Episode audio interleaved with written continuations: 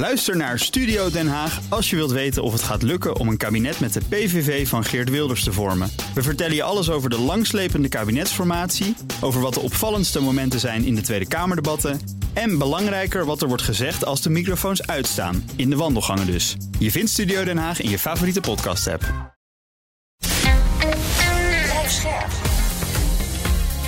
BNR Nieuwsradio. Boekenstein en de Wijk. Hugo Reitsma. Twee bloedige oorlogen tegelijk. In Oekraïne en het Midden-Oosten. Dan kan je er geen derde crisis bij hebben. Daarom concentreren de Amerikanen zich op de belangrijkste relatie van dit moment. As soon as Taylor finished performing, she swiftly left the stage and straight into the arms of Travis, before they kissed for the first time in public.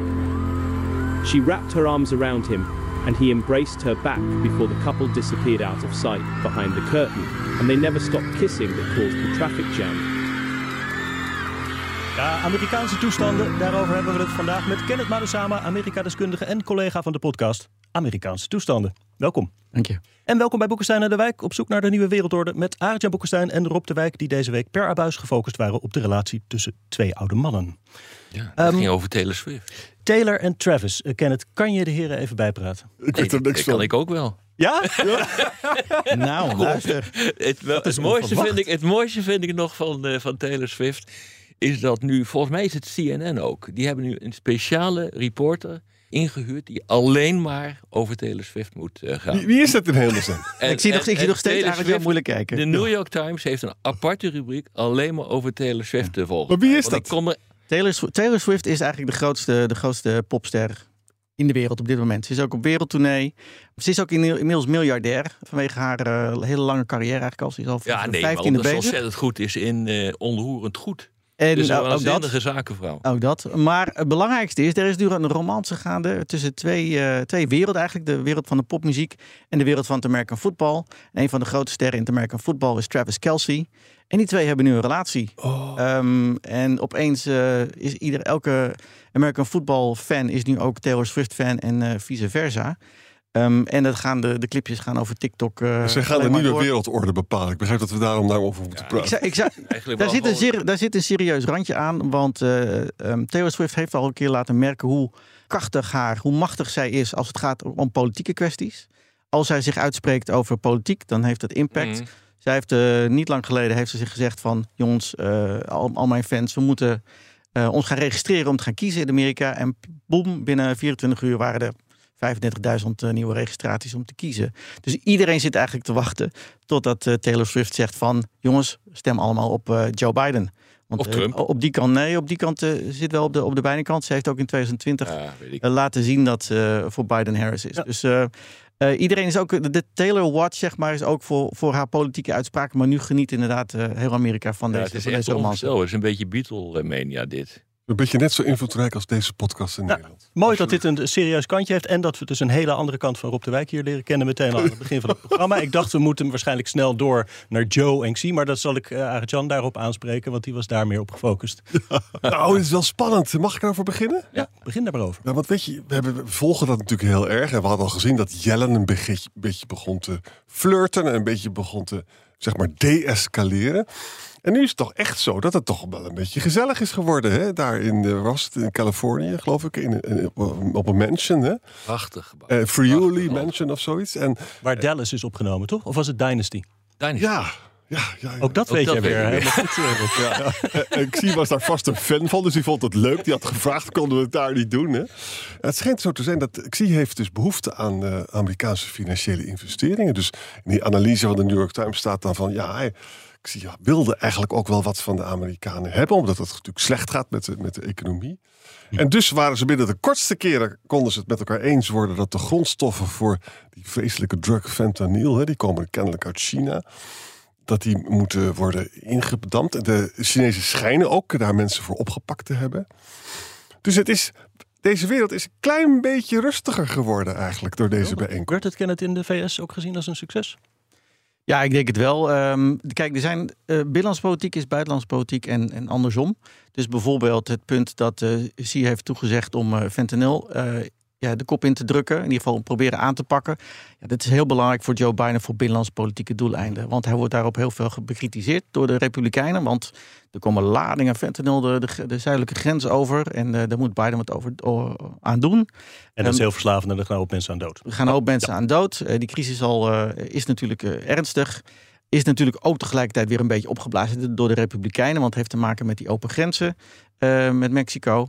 Dus dit is een heel belangrijk punt voor, eh, voor Biden om, om, om binnen te halen. Tegelijkertijd heeft hij ook buiten de ontmoeting gezegd dat eh, op een vraag van een journalist dat uh, Xi nog wel een dictator is. Ja. um, ja, dat ik zag ook, ook geweldig. Er is een, er is een filmpje van uh, secretary Blinken die daar uh, blijkbaar uh, handenwringend, handenwringend erbij zat en dacht van, oh, wat zegt ja. hij nou?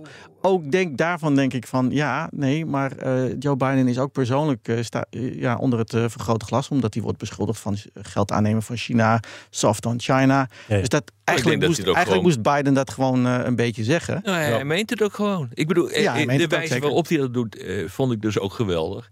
Dus hij zei van, noemt u, uh, ik zie nog steeds een dictator. Ja, hij zei, maar dat is hij toch ook? Nou, dat, dat valt toch ook niet te ontkennen dat hij een... Uh, hij probeerde het ook feitelijk neer te zetten. Zo van, ja, ja want, ze, zijn een communistisch land. Ja, exact. Uh, en ze hebben dus een hele andere regeringsvorm. Dus ja, in onze ogen is hij een, is hij een dictator. Ja, maar daarbij speelt dus ook dat de Republikeinen dan hem snel proberen aan te pakken. Om te zeggen, hij is soft on China. Ja, zeker, zeker. De, dus daarom heel veel van dit soort... Wat, wat uh, Biden heeft binnengehaald, als het ware, is, is heel erg voor binnenlands, uh, binnenlands gebruik. Nou ja, maar goed. Ik bedoel, het feit dat hij wat binnen heeft gehaald en dat uh, Xi warme woorden heeft gesproken. En zelfs het historische feit van de Flying Tigers, nu we toch bezig zijn over Taylor Swift en dat soort zaken. werd er nog een keer naar voren gehaald. Hebben we dat Nee, ja. ik zag wel weer iets over panda's. Een, dat was een eenheid een, van de luchtmacht, van de Amerikaanse luchtmachten. Die hebben de Chinezen geholpen in de strijd tijdens de Tweede Wereldoorlog tegen Japan. En daar werden warme woorden over gesproken. Zowel door de woordvoerder van het ministerie van Buitenlandse Zaken als door, door Xi. En Xi zei zelfs nog, ja nee, ik hou de onderhoud nog steeds briefcontact met uh, de Flying Tigers. Ik bedoel, nee, in die zin. Ja. Tegenwoordig wordt alles gefactcheckt, dus uh, dit misschien ook. Maar uh, dat vond ik wel opmerkelijk. Dus het was wel veel warmer dan ja. ik, ik verwacht had. En dat is denk ik wel heel belangrijk. Weet je, we hebben heel lang gesproken over de Wolf Warrior diplomacy. Weet je nog? Van die, ja. En hadden we ook een de geschiedenis was interessant, want we hadden namelijk een hele andere toon hadden we gisteren te pakken. Weet je nog die Quinn Chang? Die was opeens verdwenen. Die was minister van Buitenlandse Zaken. Die was, was, die was eerst ja. ambassadeur, ambassadeur in Washington. In Washington. En die had hele grote uitspraken. Ik moet altijd in Amerika maar luisteren naar leugens over China en zo. Weet je. En iedereen dacht van, oh, gaat dat wel goed met deze Chinezen? Nou, in de zomer is hij dus af, helemaal verdwenen. We weten ook helemaal niet meer waar die is. Andere minister van Buitenlandse Zaken. Het lijkt er dus een beetje op dat er toch een andere toon is. En dat misschien Xi tot het inzicht is gekomen. Nou, Wolf Warrior diplomacy met zo'n harde toon is misschien ook niet zo effectief. Nee, maar we hebben daar vaker over gehad. Als je dus naar Biden kijkt, uh, ja, dan, dan, komt hij over als een sul. Maar dat is het niet. Nee. Die man is kei en keihard. Vandaar dat ik ook absoluut zeker weet dat hij uh, heel bewust heeft gezegd: deze man is een dictator. Vriend, vriend en vijand die, uh, die, oh. ja, die merken op dat Biden achter de schermen nog, nog bijzonder, bijzonder vlot is en keihard is. Heeft ja. natuurlijk ook een, al een uh, decennia lange relatie met, uh, met Xi. Weet, ja. weet daar het establishment zo ongeveer wel. Ja. Dus, men, men moet hem niet onderschatten. Ja. Ligt het gepercepieerde succes van deze ontmoeting niet ook een beetje aan lage verwachtingen? Ik las de, de hotline wordt hersteld. Nou ja, die was er zelfs met Moskou in het diepst van de Koude Oorlog. Dus nou, dan ga je wel echt van een klein beetje van de bodem nou, vandaan. Nee, maar hij en is zijn op de alle niveaus. Hij is op ja? het strategische niveau tussen ja. de minister van Defensie, op het strategisch militaire niveau tussen de hoogste militaire baas en op het operationele niveau uh, tussen uh, de grote baas van uh, het Pacific Command van de Verenigde Staten en de evenknie in China. Dus op drie niveaus is hij hersteld en dat is wel belangrijk. En Xi heeft ook gezegd, ik ga niet zomaar nee. Taiwan aanvallen. Nee, maar ik, ik denk... ik, ik, Toch fijn, ja. ja. Mm. Nee, maar ik denk dat het belang hiervan is dat Xi in heeft gezien dat die sancties toch echt een probleem voor hem zijn. Ja, dat denk ik uh, ook. En Ski is ook een toontje lager gaan, uh, gaan zingen. Ja, door zijn economische Biden ook situatie. omdat hij gewoon niet nog een derde conflict uh, kan hebben. Maar met, met andere woorden, kijk, ze hebben elkaar, ze hebben elkaar heel erg nodig. Exact. De, de, de, de economie van China gaat niet goed. De economie van Amerika gaat juist heel goed. En is ook weer even uh, de Chinese economie overstegen. Nou, ik zei net al, um, Biden heeft uh, wat nodig van China. Bijvoorbeeld uh, uitspraak over uh, fentanyl. Um, heeft ook uh, heel erg belang natuurlijk dat um, de spanningen over Taiwan eh, wordt worden getemperd. Zodat er weer meer aandacht kan naar Oekraïne, meer aandacht kan naar het Midden-Oosten. Dus het is eigenlijk, was eigenlijk voor, iedere, voor beide partijen een hele belangrijke eh, win-win inderdaad. Maar de verwachtingen waren weliswaar laag. Maar die verwachtingen zijn nu wel eh, ja, waargemaakt. Ja. Waardoor, tegelijkertijd heel veel is bereikt. Die scène vond ik zo leuk. Dat hij er stond zo'n grote Chinese auto. En toen zegt hij, zegt, eh, ik, zie ook, ja, wil je even kijken? Biden is mooi, Jos, mooi. En Biden is een kleine jongen, kijkt er zo in. Hè? En ik vind het zo'n mooi een symbool, want we weten allemaal, we krijgen dus nu goedkope Chinese elektrische auto's. Hè? En de Duitse auto heeft ons helemaal laten zitten. Dit is natuurlijk echt een onderdeel van een, van een beeldenstrijd die niet onbelangrijk al die is. landen moeten eh, hun eigen auto hebben. Net zoals Ja. Poetin die heeft ook zo'n eh, auto in elkaar laten prutsen. Ja. Overigens met hulp van westerse steun. Porsche heeft er onder andere aan mee gewerkt. En volgens mij is dat hier ook gebeurd. Nou, en binnen een paar jaar gaan, eh, gaan in Michigan en Detroit gaan ook de elektrische auto's van de, van de band eh, rollen. Daar Ja. is eh, Biden natuurlijk heel hard, eh, heel hard mee bezig. Hè, dus dat, daar gaat ook een concurrentiestrijd in zitten. En ik denk dat Biden nu ziet dat, nou, ik heb nu, begin nu een beetje weer de overhand te krijgen. Bij binnenlands werkt het niet zo, maar buitenland gezien eh, is het het feit dat de Amerikaanse economie het zo goed doet, ehm, echt wel heel belangrijk. Ja. Laten we zo eventjes verder op dat binnenland gaan. BNR Nieuwsradio. Boekenstein en de Wijk. Op zoek naar de nieuwe wereldorde. Dit is Boekenstein en de Wijk. En dat programma is natuurlijk niet zonder Arend-Jan Boekenstein en Rob de Wijk. Mijn naam is Hugo Reitsma en we praten met Amerika-kenner Kenneth Maden samen over Amerikaanse toestanden en de wereld. Ehm, lekker breed gesprek, van Taylor Swift naar de auto-industrie. Maar we moeten denk ik ook eventjes kijken naar die recente peiling over eh, Trump versus Biden in de swing states. Want dat legt wel een, soort schaduw over het komende jaar. Ja, ik vind de, de headlines vond ik eigenlijk een beetje misleidend. Want als je, het was een New York Times eh Sienna Paul. En als je een beetje eh, in de cijfers gaat kijken, dan zie je eigenlijk wel dat het best meevalt. Er zijn wel eh, andere zorgen, behalve dan dat op de in de peilingen Trump nu in die swing state boven staat. En dat is ehm, de houding van jongeren. Ehm, die is natuurlijk eigenlijk altijd al zorgelijk, want die zijn altijd moeilijk om, om naar de stembus te krijgen. Is wel in 2020 gelukt. Maar nu lijkt het er toch de, de apathie echt wel een beetje eh, eh, toe te slaan. En daar tel ik dan ook nog eens bij op bij de, eh, hoe de jongeren tegenwoordig reageren op het hele Israël-Hamas-conflict. Is ook een beetje, een beetje zorgelijk. Dus daar Namelijk zit, kritisch op Israël en dus ook op de, op de manier waarop president Biden ermee omgaat. Precies, de regering Biden wordt, wordt echt onder vuur eh, genomen door de, door de jongeren. En met als uitkomst dat ze mogelijk thuis blij- blijven. En dat kan, dat kan Biden echt niet, eh, echt niet hebben. Dus gaan die jongeren die gaan eh, op een, wat is hij, 76-jarige halve of hele crimineel gaan ze stemmen. Wat is er aan de hand? Nee, dat land? kijk, het, het punt is dat eh, aan, de, aan de Republikeinse kant heb je grote kans dat mensen eh, thuis gaan blijven. Maar ook aan de Democratische kant, namelijk de jongeren. Ja, Ehm, omdat wat- ze boos zijn op Biden. het, het, het goede nieuws voor Biden in deze peiling was dat eh, zodra eh, Donald Trump veroordeeld wordt voor, eh, in een van zijn strafzaken, dat er dan een flinke swing gaat naar, eh, naar, naar Biden. Dat is een beetje curieus natuurlijk. Ga je vanwege dat feit nu alleen maar van Trump opeens naar Biden Ja, stemmen? tot nu toe heeft Maar- het hem maar- geen wind daarin gelegd, al die strafzaken. Nee, maar ik, eh, ik roep Dus nu dan al. nogmaals de vraag, wat is er in godsnaam aan de hand in dat land? Ik roep nu al maanden dat, eh, dat absoluut wel eh, de steun van aan Trump aan erosie onderhevig is. Je ziet nu ook bijvoorbeeld Nikki Haley bijvoorbeeld. Hè, die is kandidaat voor het presidentschap aan de Republikeinse kant. Die begint ook langzamerhand wat meer stemmen binnen te halen. Dus is aan de, onder de oppervlakte is er zeker wel wat gaande binnen de Republikeinse partij. Er moet er eens een soort tipping point komen. En de tipping point is dan waarschijnlijk eh, als hij veroordeeld wordt. Of als het duidelijk wordt van, nee, wacht even. Kenneth. waarvoor moet hij dan veroordeeld worden? Er zijn 90 aanklachten of 91 er zijn- of zoiets dergelijks. er zijn vier over vier, vijf grote zaken. Dus waar moet hij dan over veroordeeld worden? Wil het een beetje lekker erin hakken? Nou, puur numeriek zou je zeggen, het zijn vier strafzaken, eh, 91 aanklachten. Je zou toch denken dat hij minstens voor eentje wel eh, schuldig, wordt. schuldig wordt bevonden. En op allemaal zit dus een gevangenisstraf. Maar je hebt een, ehm, je hebt een strafzaak in Manhattan, daar is het allemaal mee begonnen. Die ging over eh, het betalen van zwijgeld aan een, aan een pornoster, Stormy Daniels. Ja. Eh, dat ging dan via boekhoudkundige weg. En dat was allemaal niet netjes volgens de, de wetten in, eh, in New York. Dan heb je natuurlijk de, de Mar-a-Lago documentenzaak. Waar er tal van geheime documenten, nucleaire geheimen, eh, in de badkamer van Donald Trump te vinden waren. En op het podium in een balzaal. Ehm, dan hebben we ook nog eh, twee 6 januari zaken. en Die eigenlijk geen 6 januari zaken zijn, maar zo noemen ze. En dat gaat eigenlijk over verkiezingsondermijning. Dus het hele traject naar, van de verkiezingsdag naar 6 januari. Waar Donald Trump heeft geprobeerd om op allerlei manieren ehm, via eh, onrechtmatige wegen geprobeerd de verkiezingen alsnog terug te draaien. En in, de, in het zadel eh, te blijven. Ehm, die documentenzaak die lijkt nu op de lange baan te worden geschoven. En het is omdat eh, hij een hele welgevallige rechter heeft in, in Florida, Eileen Cannon. die eh, de boel gewoon eh, vooruit aan het schuiven is. Ehm, wat de meest, meest belangrijke en meest kansrijke zaak is eigenlijk, eh, de, zijn de 6 januari zaken, verkiezingsondermijningszaken. Storming. De bestorming van het kapitool en alles wat daarvoor eigenlijk. eh, Mm. Maar zelfs als hij de bak ingaat, dan kan hij nog president worden.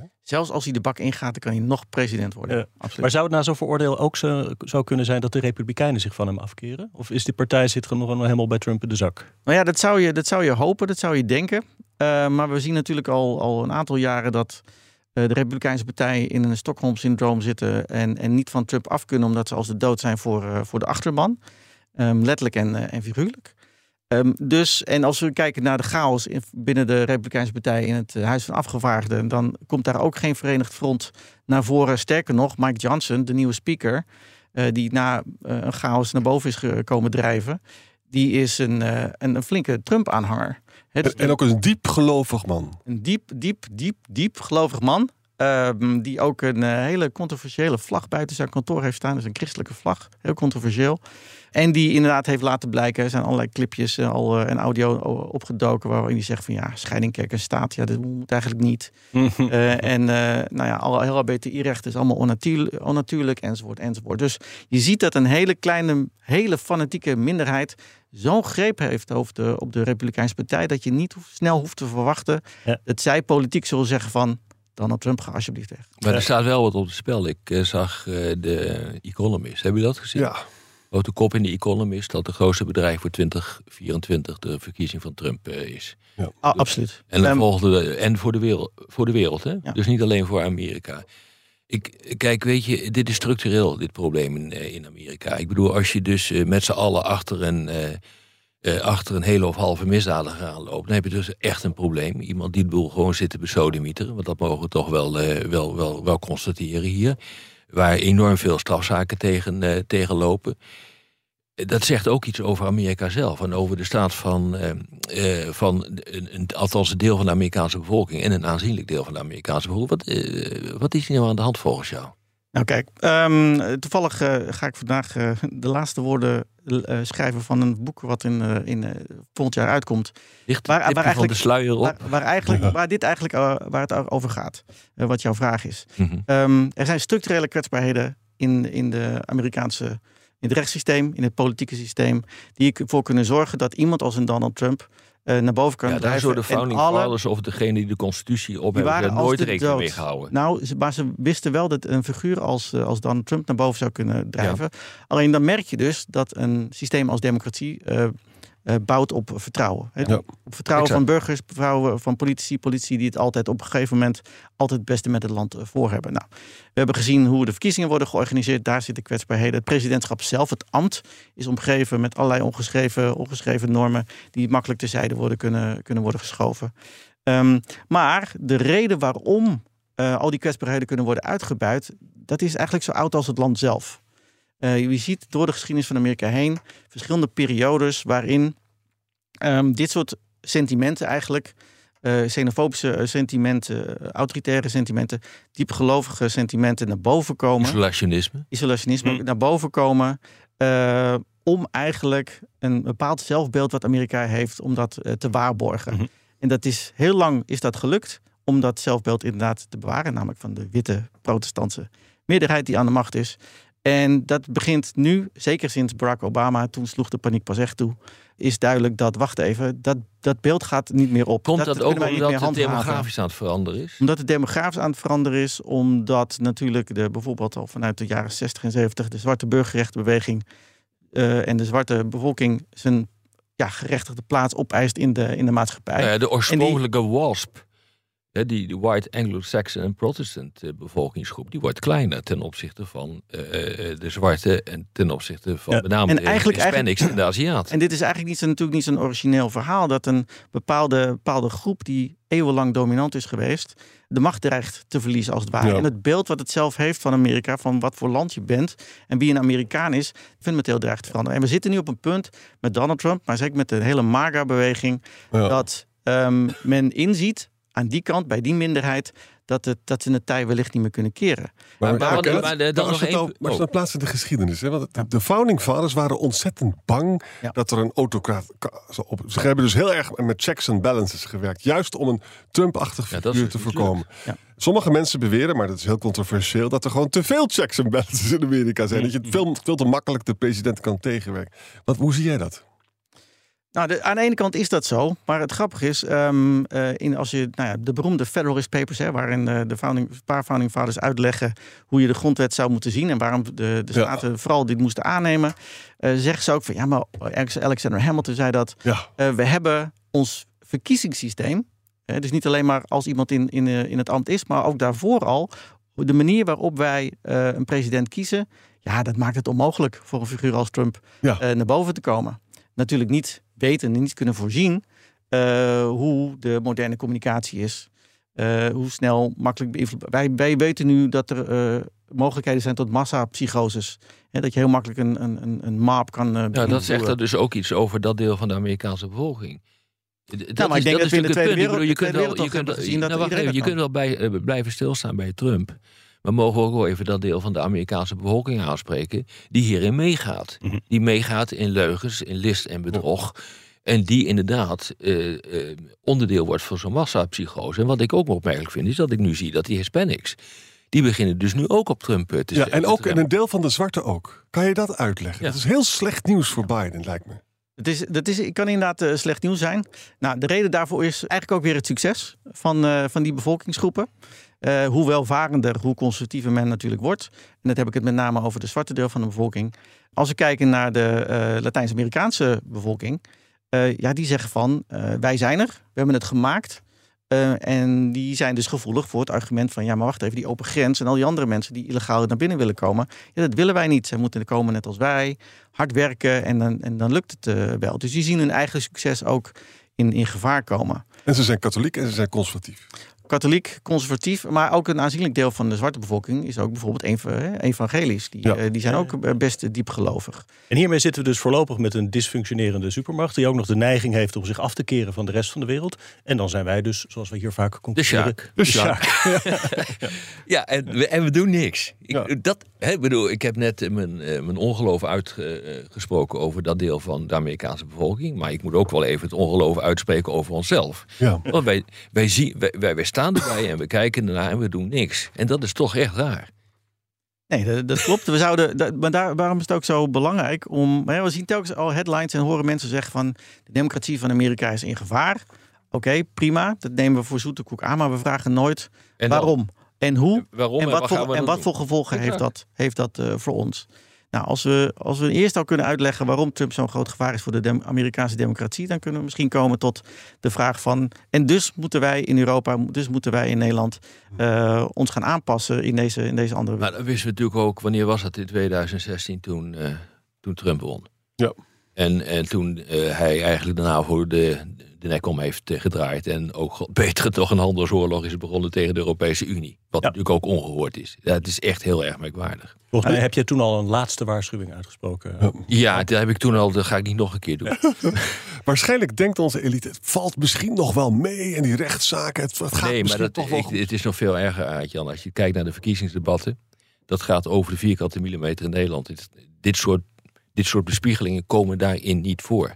We zijn, we zijn er op een bepaalde manier natuurlijk heel erg verwend over dat Amerika er altijd is. Het is Ja. decadentie hoor. Het is, een, het, is een, het is een bepaalde decadentie, ingeslopen decadentie. We zijn lui geworden in ons, in ons denken eigenlijk.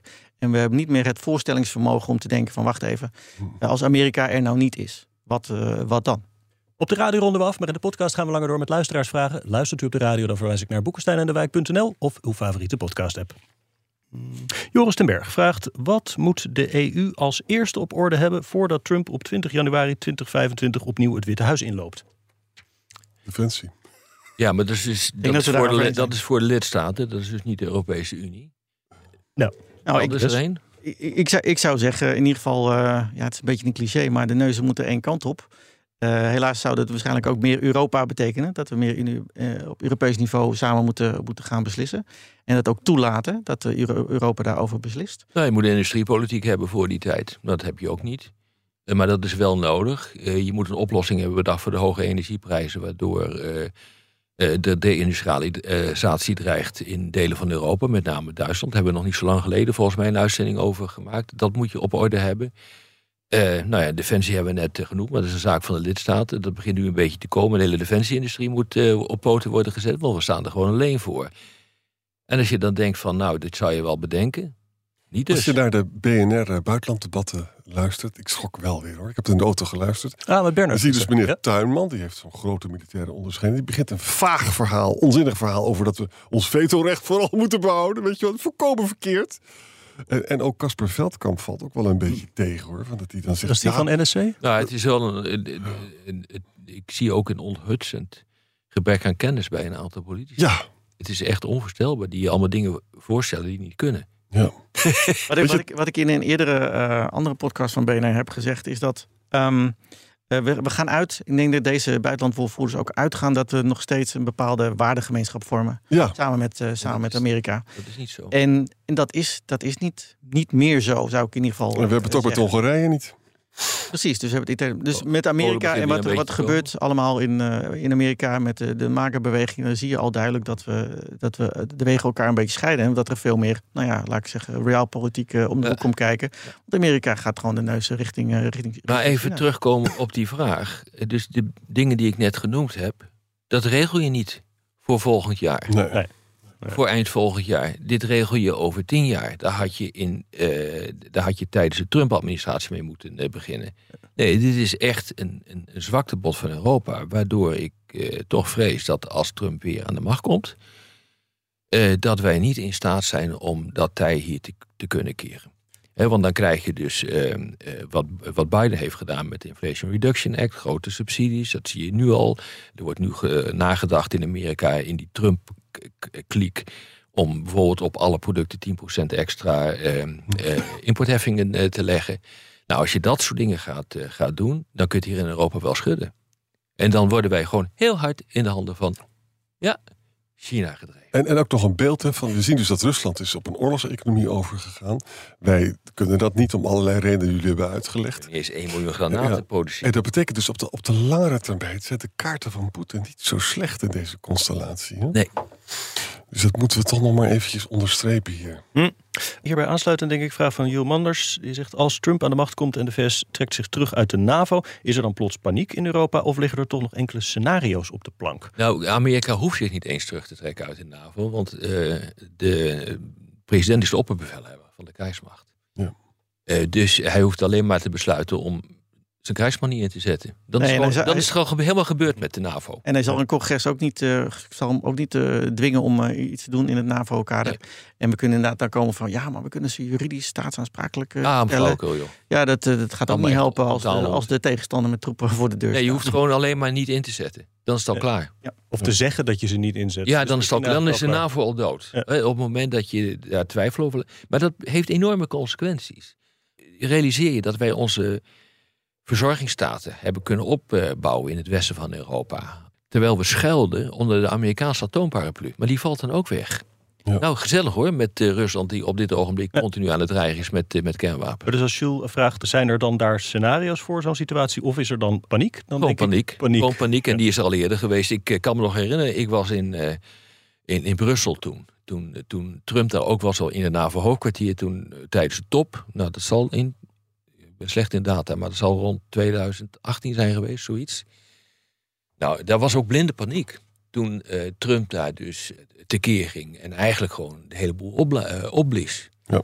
En dat, dat, dat was echt blinde paniek. En daar had men geen antwoord op. En je zag toen nog bij, bij de Republikeinse Partij dat ze nog wel een beetje probeerden zich van Trump te verwijderen. hè. Maar jullie zeggen terecht, als dat nu gebeurt, het is gewoon hopeloos. hè. Ik ben zo benieuwd, Scholz en Macron moeten hier toch gewoon met elkaar over praten. Wat gaan we doen? Wat gaan we? En Cameron is nu ook weer terug, weet je wel. Die moeten Ja, toch met elkaar genoeg, praten. eh Arendt Jan, de, alleen de Europese Commissie ziet dit wel. Ja, Maar die begint dus te roepen, eh von der Leyen, van eh, we zien nu de geboorte van een geopolitieke unie. Nou, ik heb het allemaal eens onder eh, elkaar gezet, ook voor een boek dat ik aan het schrijven ben, by the way. Nou, daar, daar word je niet blij van. Ik bedoel, dat, je- daar kun je wel roepen. Maar op de meest cruciale punten, en een aantal van die punten heb ik net genoemd, van wat je moet doen, is het gewoon absoluut geen geopolitiek spelen. Nu iedereen zijn boek heeft geplukt, wil ik wel eventjes zeggen dat de mijne al uit is. En het is ook een ongelooflijke mooie gele kleur. En een diepe wijsheden, omdat namelijk de kennis van al die mensen die in de podcast kwamen er ook allemaal in zit. Ja. Dus een geaccumuleerde, En te laat. erudiete bron. hè? Zeker. Ik heb je zojuist het eerste exemplaar overhandigd aan Arjen Boekenstein. Dus Ja, het het is is- nu formeel. Ik voel me ook een stuk wijzer nu geworden nu ik het in mijn handen heb. Waarom een Ariel? Omdat het boeken zijn en de wijk. Ja, En zo mooi geschreven ook. dank je. Oh, Arjan, je had het al over Rusland. Portos die vraagt: eh, Trump zegt de oorlog tussen Oekraïne en Rusland in just one day op te gaan lossen. Ondertussen poogt Poetin de oorlog te rekken tot na deze verkiezingen. Wordt het dan niet tijd voor Zelensky om te kijken of er een deal kan worden gemaakt voordat de geldkraan dichtgedraaid wordt? Ja, maar, maar luister eens. dit- dit- laten we het nog even behandelen. Het is zo ingewikkeld. Kijk, Poetin wil helemaal geen deal nu. Poetin die heeft de tijd. Zelensky zit in een onmogelijk parket, want hij moet eigenlijk eh, progressie laten zien om die wapensteun eh, te garanderen. Maar dat kan die gewoon niet. En daar kan de beste man ook helemaal niks aan doen, want er is geen technologische doorbraak. We zien die ellende met de Republikeinen, waar natuurlijk helemaal gierend iedereen gek van wordt. Nee, Zelensky heeft heel veel reden om slaappilletjes te slikken, om überhaupt nog in slaap te komen. Ik, ik ben benieuwd wat, wat Biden gaat doen. We zijn het programma begonnen met eh, de discussie over die meeting in Amerika met Xi. In het kader van die APEC-conferentie. Biden weet dit ook. Ja. Er is achter de schermen wordt er kritiek uitgeoefend op Zelensky. Daar wordt ook een discussie achter de schermen gevoerd over hoe, hoe brei je hier een eind aan. Hm. Heeft onder andere te maken met Trump. We hebben nu gezien wat, eh, wat, wat Biden kan doen in de richting van China. Dus Xi die heeft inderdaad zijn toon gematigd. Dus het is echt wel belangrijk wat hier gebeurd is. En ik ben heel benieuwd of, eh, of Biden nog iets uit de hoge hoed tovert... om in de richting van Rusland, terwijl in de richting van, eh, eh, van eh, Zelensky. Wat er nu gebeurt met Xi, kan ook de opmaat zijn... daar hebben we nog niet eens over gesproken... en ik lees het ook nergens... om eh, China naar je toe te trekken... om druk uit te oefenen op eh, Rusland... om hier eh, met deze onzin eh, op te houden. Mm. Het zou mij niet verbazen. De- Deze verzoenende toon eigenlijk die we hebben gezien tussen Xi en Biden... zal Poetin dan inderdaad verontrusten. Het zal een verwijdering Zeker. zijn tussen Rusland eh, en China. Ja. En als ik toch weer naar het binnenland kijk in Amerika... dan eh, zijn toch wel de, de meeste republikeinen in het congres... en dan bedoel ik niet alleen het huis, maar ook zeker Senaat... die stiekem wel voor eh, steun zijn aan Oekraïne. ik denk dat er linksom, rechtsom wel steun gaat komen. Het, de probleem, denk, het groot probleem nu is dat het vertraagd wordt. En, maar dat er ondertussen wel eh, dingen, dingen gebeuren. En dat, er, dat we denk ik in januari wel een deal hebben hier ook over, eh, over Oekraïne. Maar goed, eh, dan moet Zelensky nog wel even, even wachten. En, en, en de deal kan ook ongelooflijk slecht voor Oekraïne uitpakken. Hè? Het pakt sowieso slecht uit. Ja, want je hebt dan dus, dus inderdaad precies wat Rob zegt. China zou dan zich met Biden samen. En dan de, de grand bargain wordt dan van stoppen met de oorlog. En in ruil voor, er komen garanties, maar in ruil daarvoor wordt Oekraïne geen lid van de NAVO. Dat denk ik ook. En het is de dat is waarschijnlijk te weinig afschrikking voor de volgende oorlog. Dat is mijn Nou ja, dat hangt er vanaf wat je dus wil afschrikken. Als je een afschrikking wil eh, organiseren tegen het eh NAVO-grondgebied, waar Oekraïne dan niet bij eh, hoort. Ja, en dat hangt er, dan, dan, dan lukt dat wel. Ja, En met betrekking tot de Oekraïne eh, kan je op allerlei andere manieren ook veiligheidsgaranties geven. Dat kan wel. Hè. Dat is het Israël-model. K- eh, Pomp er zoveel mogelijk wapens in en zorg ervoor dat eh, de drempel zo hoog mogelijk wordt gemaakt voor een verdere aanval van, eh, eh, van Rusland. Ik, eh, maar het zou mij niet verbazen, hè, want er wordt dus nu ook gesproken over een nieuwe ontmoeting van Xi en, eh, en, en Biden. Hè. Daar, daar, daar, wordt de basis, daar is nu eigenlijk de basis voor gelegd. Als het volgende keer gaat het over Taiwan. Er is nu en marge overgegaan en gaat het over Oekraïne. En dan krijg je een soort co-leiderschap. Het zou me niet verbazen. Ik bedoel, ik heb geen glazen bol. Ondanks dat je dat boek net hebt laten zien waar wij in een glazen bol aan kijken, eh, wij en eh, Hugo. Maar ik heb geen glazen bol. Voorspellen is ook moeilijk, in tegenstelling tot wat dat boek eh, weird. Eh, maar, maar het zou mij niet verbazen. Nou ja, het is eerder gedaan, toch? Dit is toch precies wat Nixon en Kissinger deden. de banden met China aanhalen om de Sovjet-Unie En- te isoleren. Ja, ik denk dat je de komende tijd, eh, omdat die relatie ook tussen Sullivan, dus de veiligheidsadviseur, en Wang, Wang Yi heet die man geloof ik, zijn, eh, zijn, zijn collega in, in Beijing en op het niveau van Blinken en zijn collega is niet slecht. Op, Nee. dat, is, dat is wel goed. En dat is slecht nieuws voor Rusland. Ik denk dat we hem bij deze voorspelling uh, maar uh, afsluiten. We gaan controleren of het klopt. Rob, dank. Dit was weer Boekestein naar de Wijk. Namens Arend en Boekestein op de Wijk. Dank voor het luisteren. Speciale dank aan Kenneth Manusama. En fijn weekend. Ook Bas van Werven vind je in de BNR-app. Ja, je kunt live naar mij en Iwan luisteren tijdens de ochtendspits. Je krijgt een melding van Breaking News. En niet alleen onze podcast Ochtendnieuws, maar alle BNR-podcasts vind je in de app. Download nu de gratis BNR-app en blijf scherp.